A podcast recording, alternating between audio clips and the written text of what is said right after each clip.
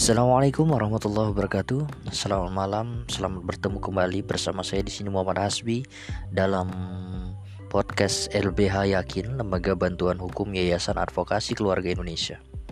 Masih seputaran tentang hukum perdata. Hukum perdata pada masa pemerintahan Hindia Belanda. Perlu kita ketahui bahwa mengapa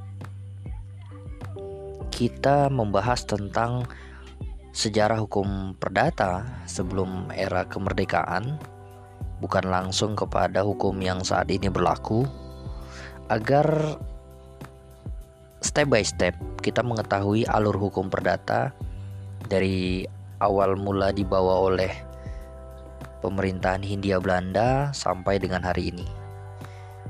Jadi pembahasan kita memang dari sejarahnya dari dasar hingga nantinya seluruh persoalan yang terjadi seputaran hukum perdata atau hukum keluarga akan kita bahas di sini. Walaupun tentunya hukum pidana dan hukum-hukum lain sesekali juga akan kita bahas. Pada malam hari ini yang ingin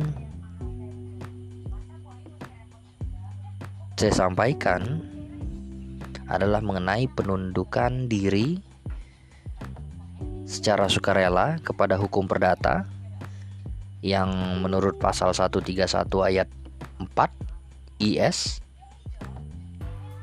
bagi seorang Indonesia asli dan orang timur asing sepanjang mereka belum diletakkan di bawah suatu peraturan bersama dengan bangsa Eropa,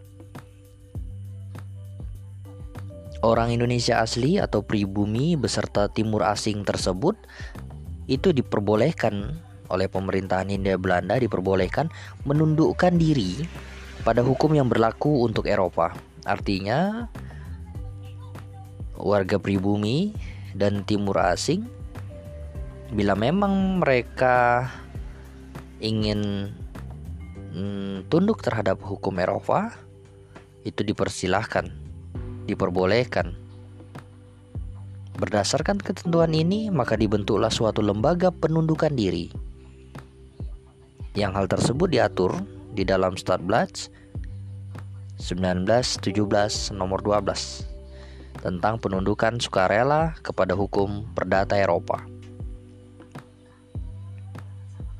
Jadi setiap orang yang bukan golongan Eropa dapat menundukkan diri secara sukarela kepada hukum perdata barat di Indonesia pada saat itu.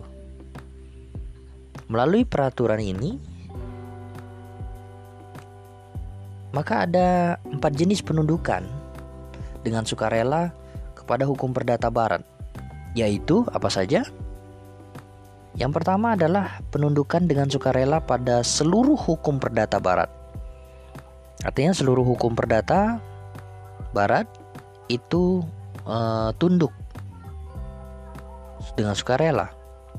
Semua hukum perdata barat itu berlaku pada orang yang tunduk orang yang sukarela tunduk tadi. Itu bisa dilihat pada pasal 1 sampai 17 tablets 1917 garing 12 yang kedua pendudukan dengan sukarela pada sebagian hukum perdata barat. Artinya eh, warga pribumi juga dibolehkan bukan bukan hanya seluruhnya bila memang ingin sebagian dari hukum perdata tersebut dibolehkan oleh pemerintahan Hindia Belanda Jadi di sini yang dibolehkan sebagian itu bisa pada penundukan pada hukum harta kekayaan dan hukum waris. Harta kekayaan dan hukum bar, hukum waris sejaya, secara hukum perdata barat.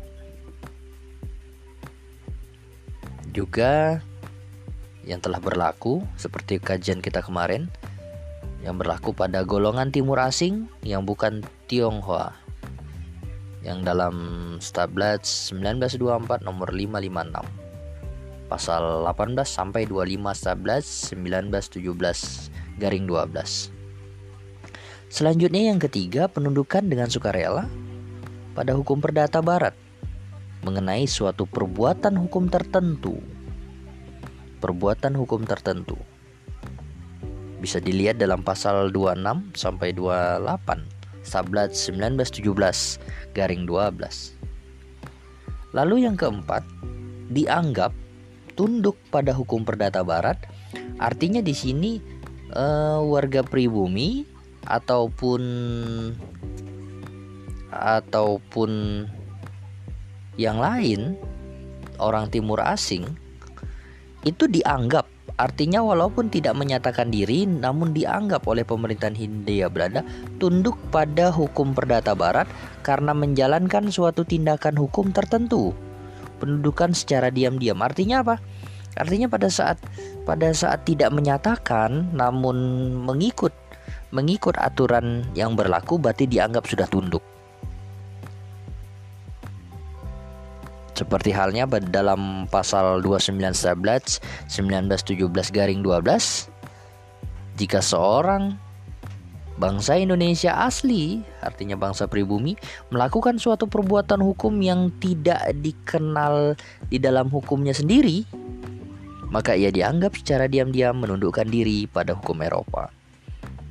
Artinya kalau bangsa pribumi, orang pribumi itu melakukan perbuatan perbuatan hukum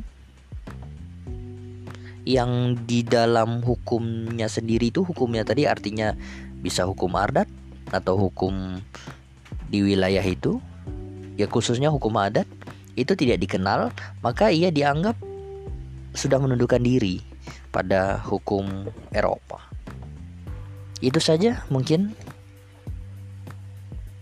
bahasan kita tentang uh, kesukarelaan untuk tunduk kepada hukum perdata barat. Itu saja, semoga bermanfaat, terkhusus bagi diri saya sendiri. Sehat selalu buat semuanya. Assalamualaikum warahmatullahi wabarakatuh.